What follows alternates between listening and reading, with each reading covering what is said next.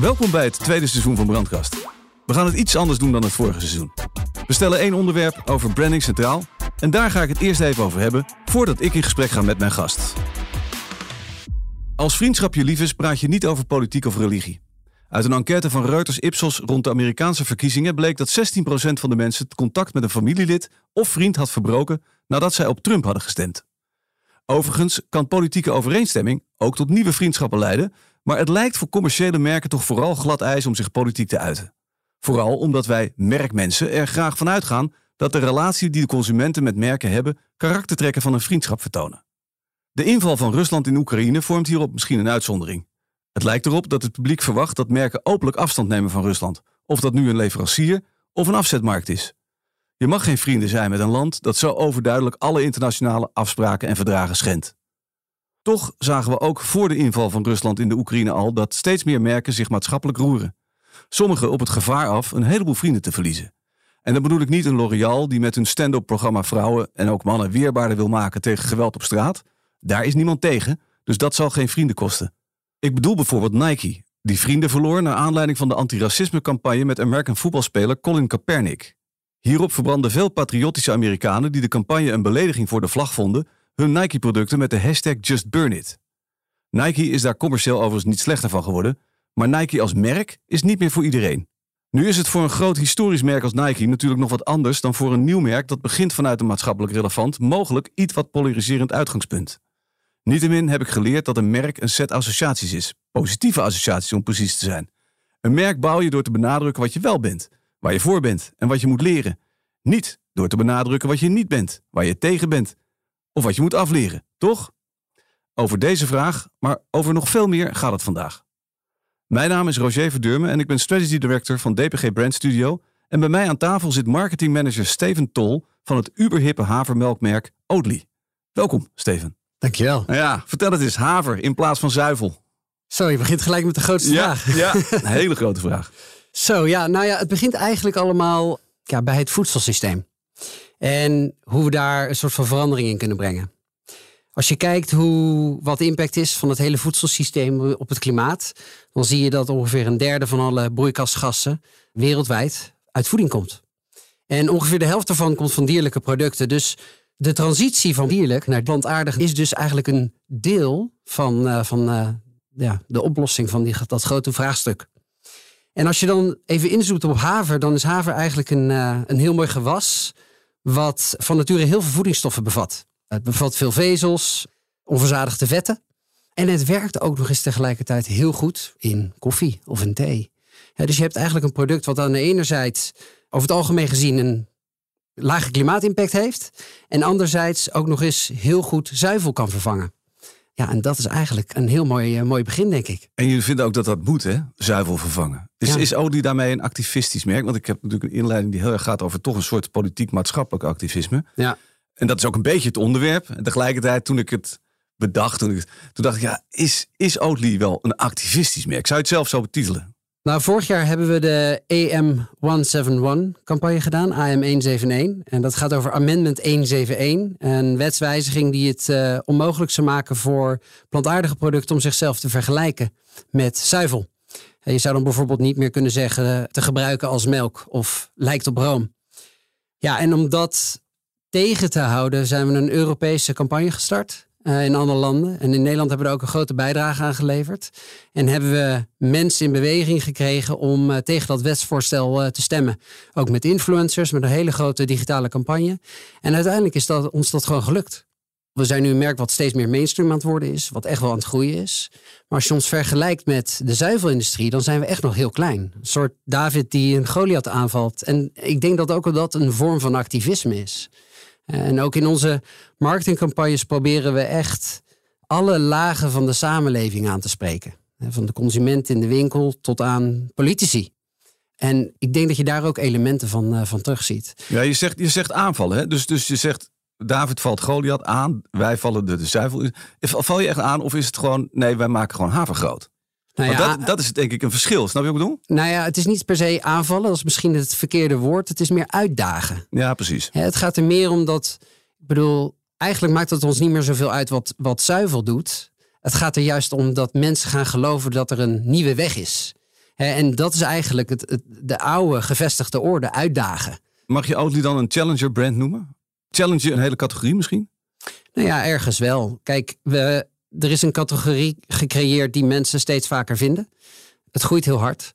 Maar wat ik net ook al zei, weet je, vergeleken met zuivel zijn we nog zo klein. En er is er nog zo'n lange weg te gaan.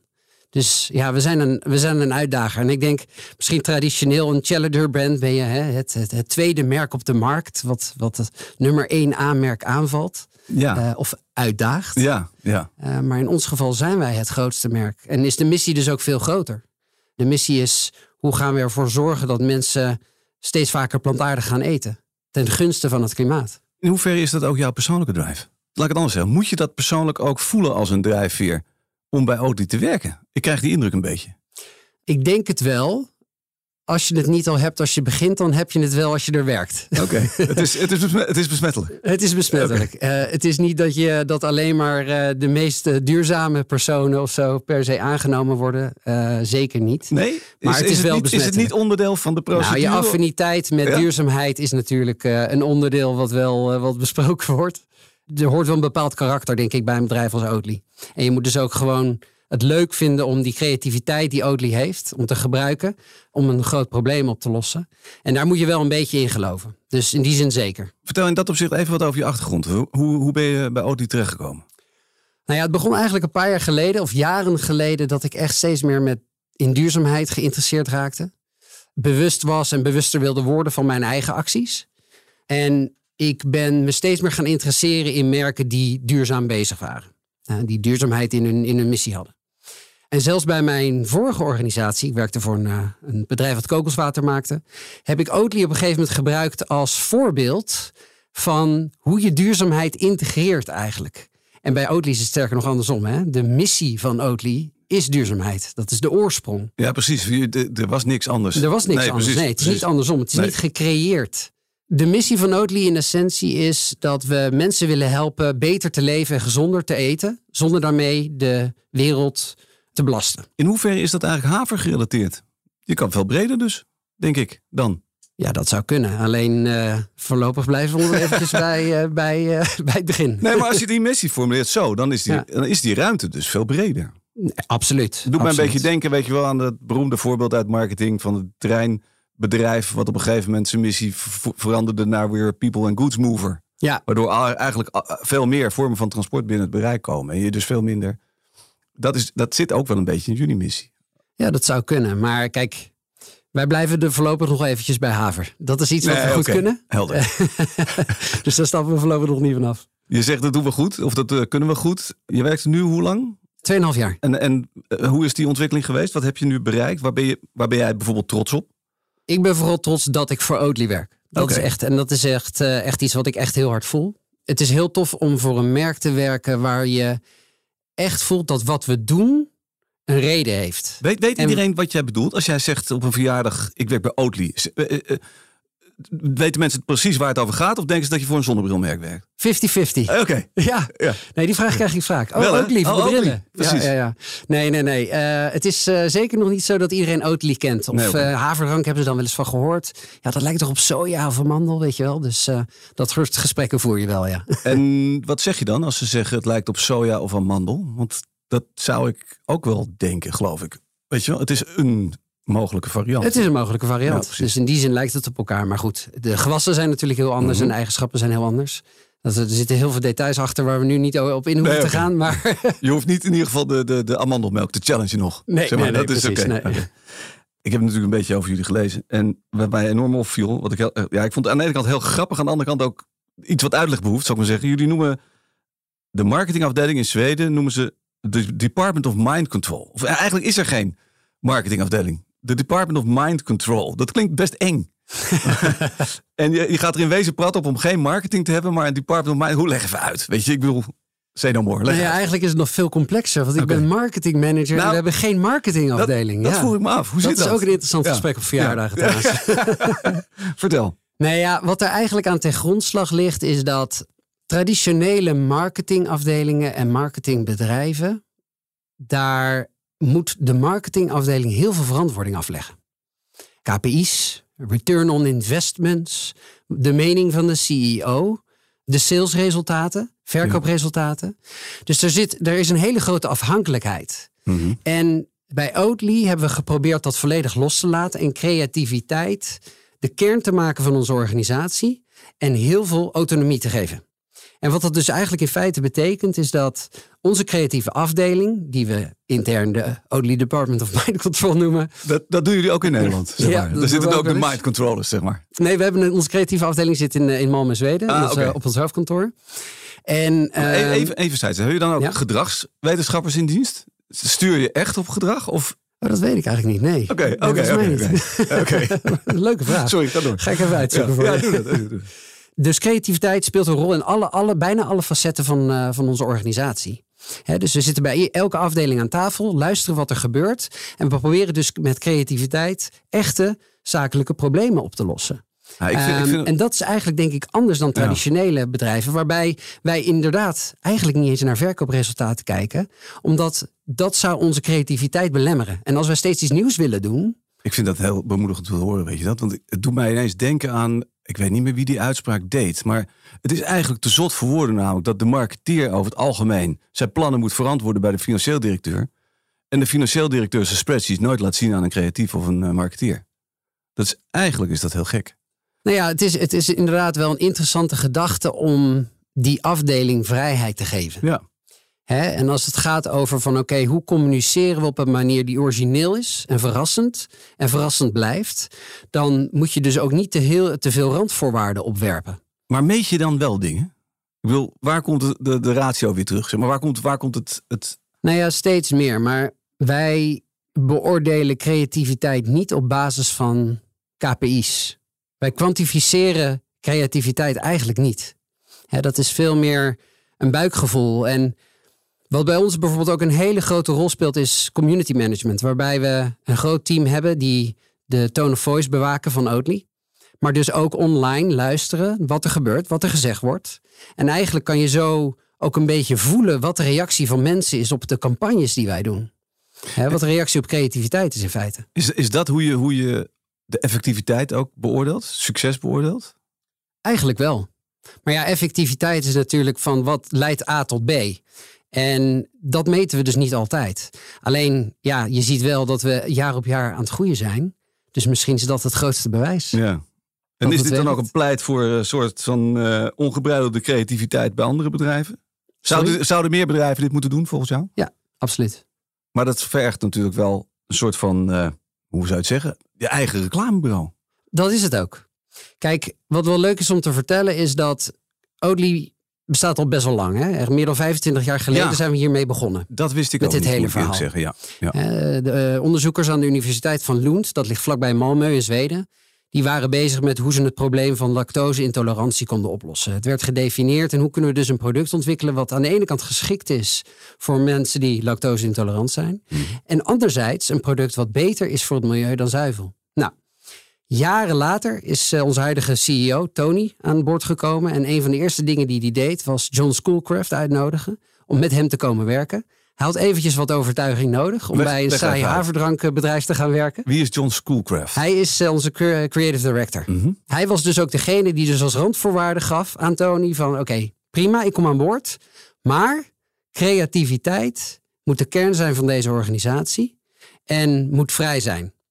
En Tony begreep dat en heeft dus eigenlijk altijd dus ook het vertrouwen gegeven dat de creatieve afdeling, eh, de Oatly Department of Mind Control, ehm, eigenlijk kon doen wat ze wilden. Dus deze John, die was reclameman. Ja. En in hoeverre is de trend en hipheid dan belangrijk in het merk Oatly? Nou, dat is een goede vraag. Zijn jullie on-trend? Want ik krijg de indruk dat het vanuit een soort wetenschappelijk oogpunt lactose-intolerantie is begonnen.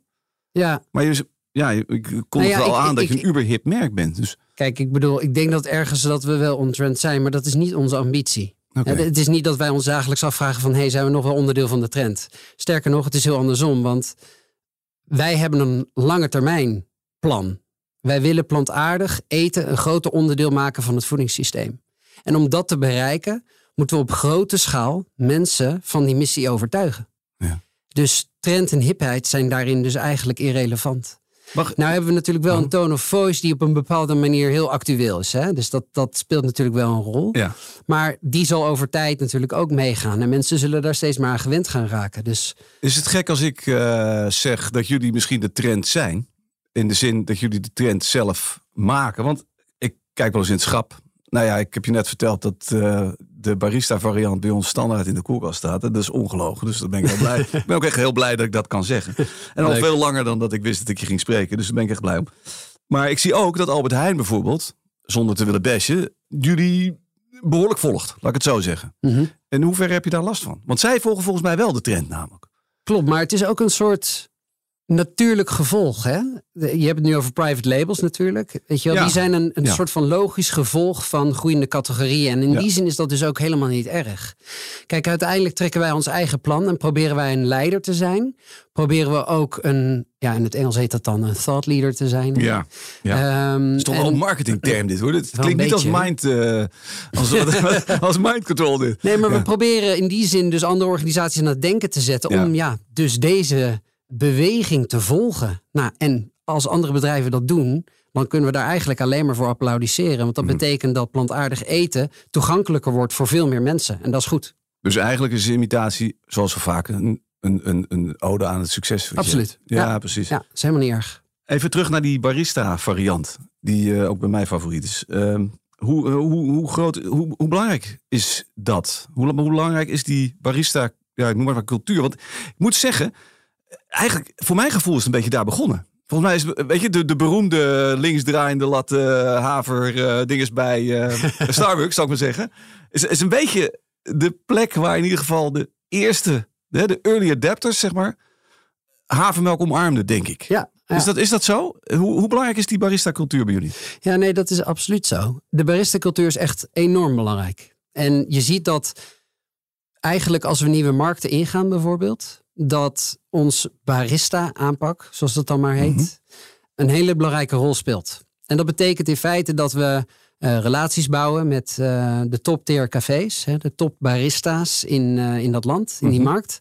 Hun proberen te helpen met hun business, samen campagnes doen. Zijn dat ook grote ketens? Nou, dat is, dat is zeg maar het gevolg daarvan eigenlijk. Ja, ja. Nee, in eerste instantie zit je vaak bij de wat kleinere zaken. En die, die rol van, van, van de baristas is enorm belangrijk, omdat als de mensen op straat voor het eerst ons product gaan proberen, en vaak is dat de barista, mhm. het barista product moet ik dan zeggen, dan is het het beste als dat bij hun favoriete koffietent gebeurt. Op de allerbeste manier hoe zij de Oatly voor het eerst geserveerd krijgen. Van iemand die zij vertrouwen, van iemand die smaak heeft. Uh, die weet wat, uh, wat nieuw is en wat, het, uh, wat de nieuwe beweging is in feite. Dus... Ja, en die ook alle andere variabelen uitsluit in de vergelijking natuurlijk. Ja, in wezen, wel, ja. toch? In wezen wel, dat zeg je eigenlijk. Ja. En we proberen dus ook die barista's en die koffiezaken zo goed mogelijk te betrekken in onze campagnes. Om samen ook weer reuring te geven aan het geheel. We zijn letterlijk nu een campagne aan het starten waar eh, baristas een rol spelen. We hebben in november een hele grote ontbijtcampagne gedaan waar we met allerlei koffiezaken samen hebben gewerkt. Waar mensen gratis koffie konden halen met, uh, met een olieproduct als ze dat wilden. Nou, we hadden letterlijk om zeven uur s ochtends stonden er rijen voor de koffietent omdat ze ervan gehoord hadden. Nou, dat is geweldig. En als voorbeeld om te laten zien hoe belangrijk die aanpak voor ons is, hebben we een dedicated team aan barista market developers. En dat zijn eigenlijk een soort van brand ambassadors die die relaties bouwen en onderhouden met al die top tier cafés. Eigenlijk het meeste van wat jullie doen, moet ik eerlijk zeggen, na aanleiding van mijn inleiding, is toch voor haver, zeg maar. En niet zozeer tegen zuivel. Of zie ik dat verkeerd? Ik had het idee dat die ontbijtcampagne wel een beetje echt tegen was. Snap je wat ik bedoel? Oh, grappig. Of, hebben we dat... niet echt ingestoken. Oké. nee, nee, nee, sterker nog. We hebben juist uh, misschien wel voor het eerst het minder polariserend gemaakt. Waarbij we eigenlijk zeggen van, weet je, je kan op heel veel momenten op de dag, kan je voor plantaardig kiezen. Begin nou eens met ontbijt. Ah, ja. Er wordt een, een, een ontbijtactivist, hebben we het zelfs genoemd. Nou, dat wel, Een beetje terug, teruggrijpen naar die vraag over activisme. Ja. Waarbij we eigenlijk zeggen van, nou ja, oké, maakt me niet uit wat, we, wat jij de rest van de dag doet, maar begin nou eens met ontbijt. Want met elke kleine stap die je neemt, maken we het probleem kleiner. En raken mensen dus ook gewend aan het product, om het product te gebruiken, et cetera. Dus ik denk uh, dat we juist ook omarmen dat niet, het is niet zo zwart en wit. Nee, precies. Ik heb een heel andere vraag nu. Ga je gang. Die, me- die me al een tijdje ook bezighoudt. Dat is de verpakking. Die is eh, best bijzonder. Op zijn minst eigenlijk. Eh, onbegrijpelijk. In, alle, in eerste instantie vo- volledig onbegrijpelijk. Maar, hè? maar dat is mijn persoonlijke mening. Maar hij werkt wel, weet je wel. Hij geeft wel precies het juiste beeld of zo. Ja. Hoe belangrijk is die, is die verpakking eigenlijk? Hoe belangrijk is die rol? Wat is de rol van de verpakking? Nou, die rol, is, die rol is heel groot. Als ik even terugpak naar het, eh, naar het moment dat, dus die, eh, dat, eh, dat Tony en, en John begonnen. Ook een van de eerste dingen die zij deden is die eh, verpakking aanpakken.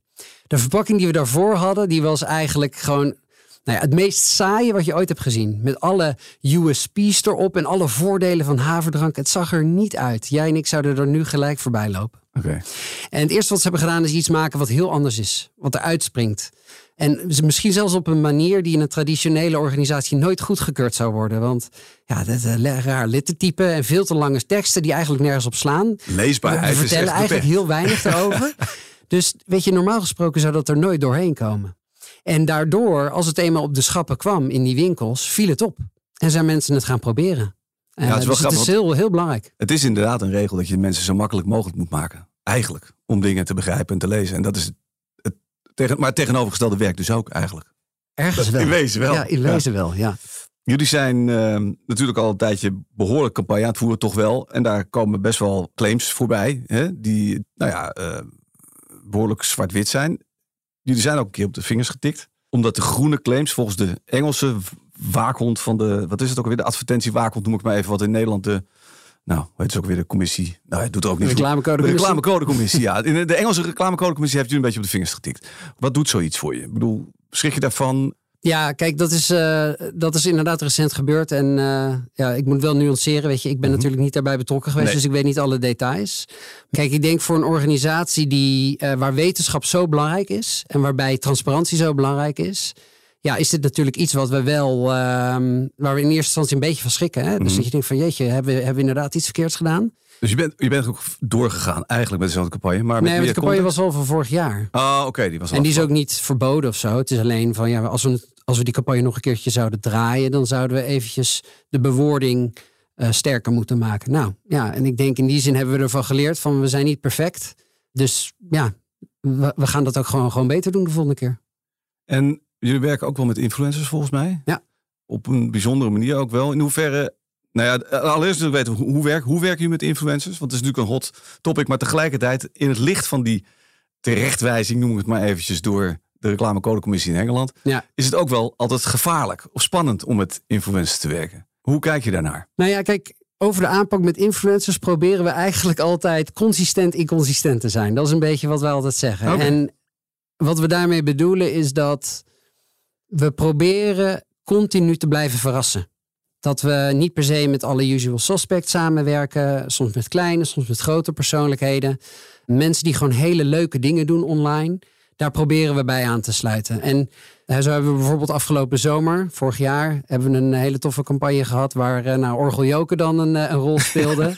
en dat was hilarisch. Ja. Want dat was nou iemand die eigenlijk niet op het eerste opzicht, wat je zegt van nou dat past bij Oatly. Maar zij vond, zij kende ons al. Zij vond het geweldig. En zo, we- samen hebben we iets fantastisch gemaakt. Wel, Hoe kwamen, hoe kwamen jullie bij Orgel Joka terecht? Want ze kenden jullie al, zeg je? Ja, nou ja, wij, we hadden gewoon haar een keertje benaderd. Omdat we dachten van dat is zo'n authentiek persoon. Laten we een keertje met haar bellen eh, of ze geïnteresseerd is om wat te doen. En toen vertelde ze dat haar zoon lactose-intolerant was. Dus dat ze er al heel lang daarmee bezig was. En nou, toen vroegen we of ze onderdeel van een campagne wilde zijn. Nou, dat vond ze geweldig.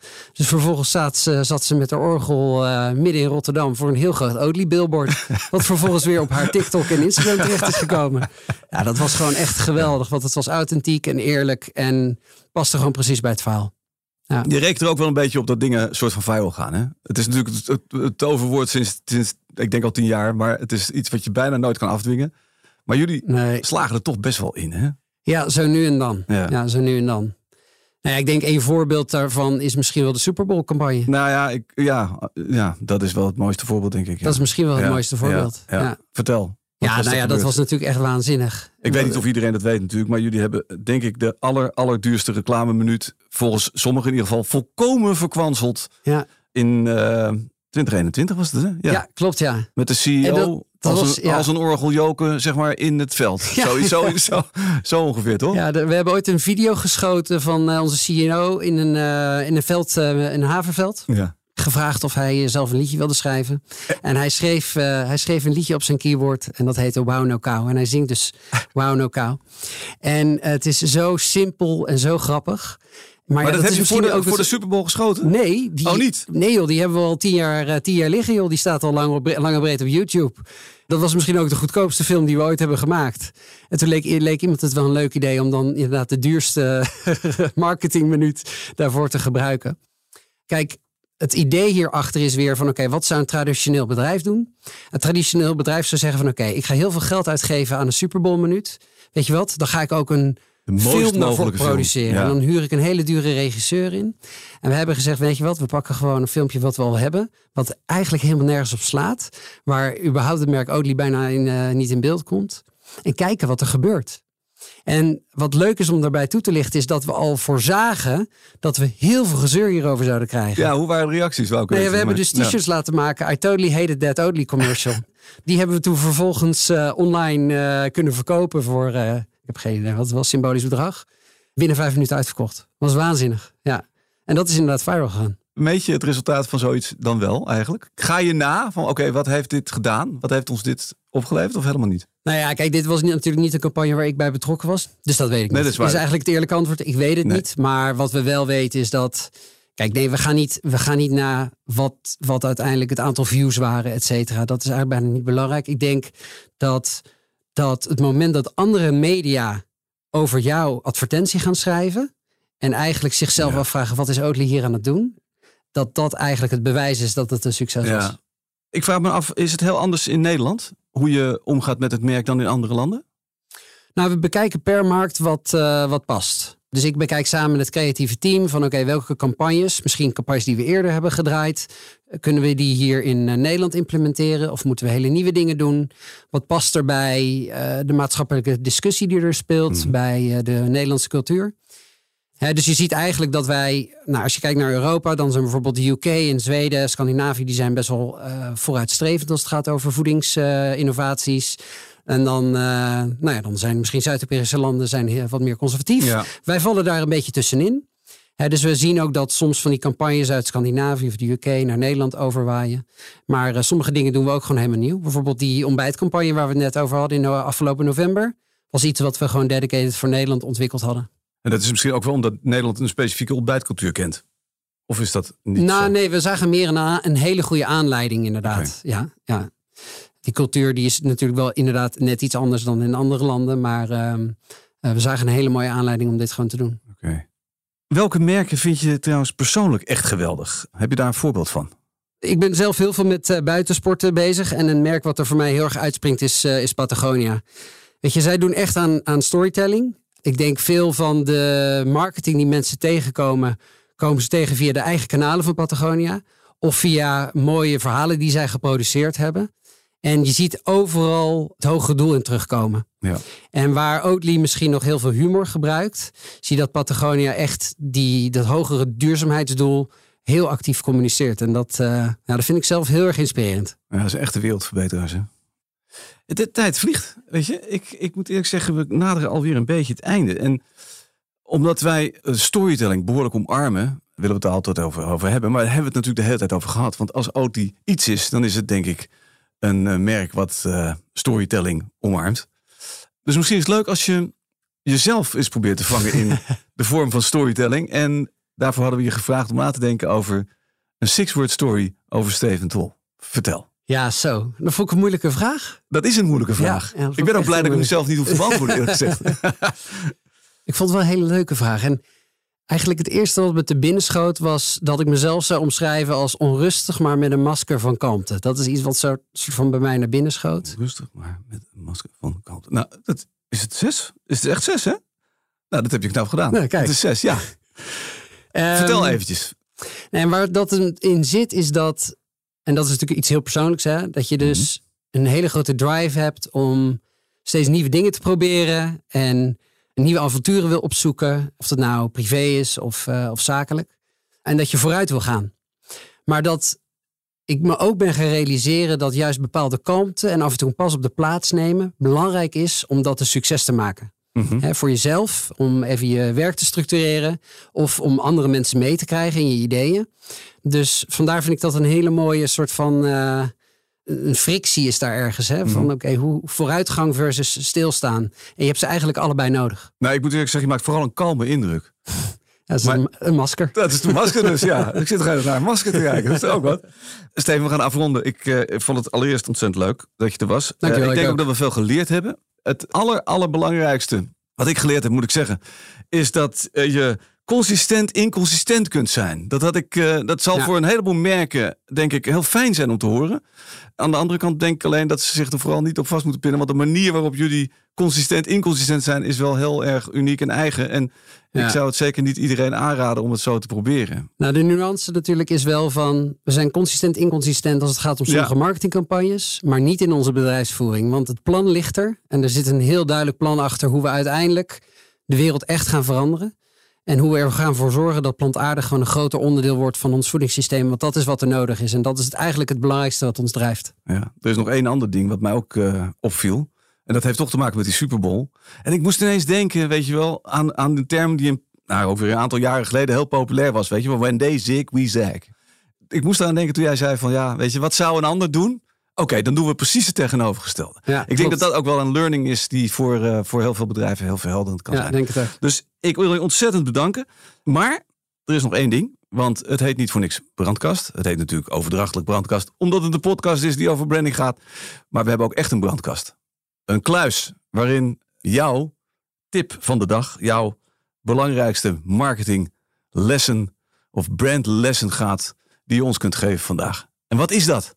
Ja, we hebben natuurlijk al heel veel over, over creativiteit gehad. En ik denk dat het geheim is in dit geval van dat je creativiteit ruimte moet geven en autonomie. En niet te veel moet beperken. En natuurlijk heb je doelstelling als organisatie. Weet je, dat, dat, daar kunnen we met z'n allen niet omheen. Maar die creativiteit de ruimte geven zal resulteren in hele mooie dingen. En maak dat gewoon onderdeel van je organisatie. Dat hoef je niet altijd alleen maar extern te halen. Ik denk dat dat de les is die wij hebben geleerd in ieder geval. Ik denk dat een heleboel marketeers in Nederland je een zoen zouden willen geven voor deze, voor deze, voor dit geheim. Dankjewel. We sluiten de brandkast voor nu en we openen hem volgende maand weer. En dan praten wij met Arthur van Rongen. En hij heeft het merk Lois volkomen gerevitaliseerd en aan de benen van talloze vrouwen gekregen in dit jaar. Dus we gaan hem, eh, we gaan hem ondervragen. Ben je benieuwd naar alle podcasts van Grow? Volg ons dan in je favoriete podcast-app of op dpggrow.nl.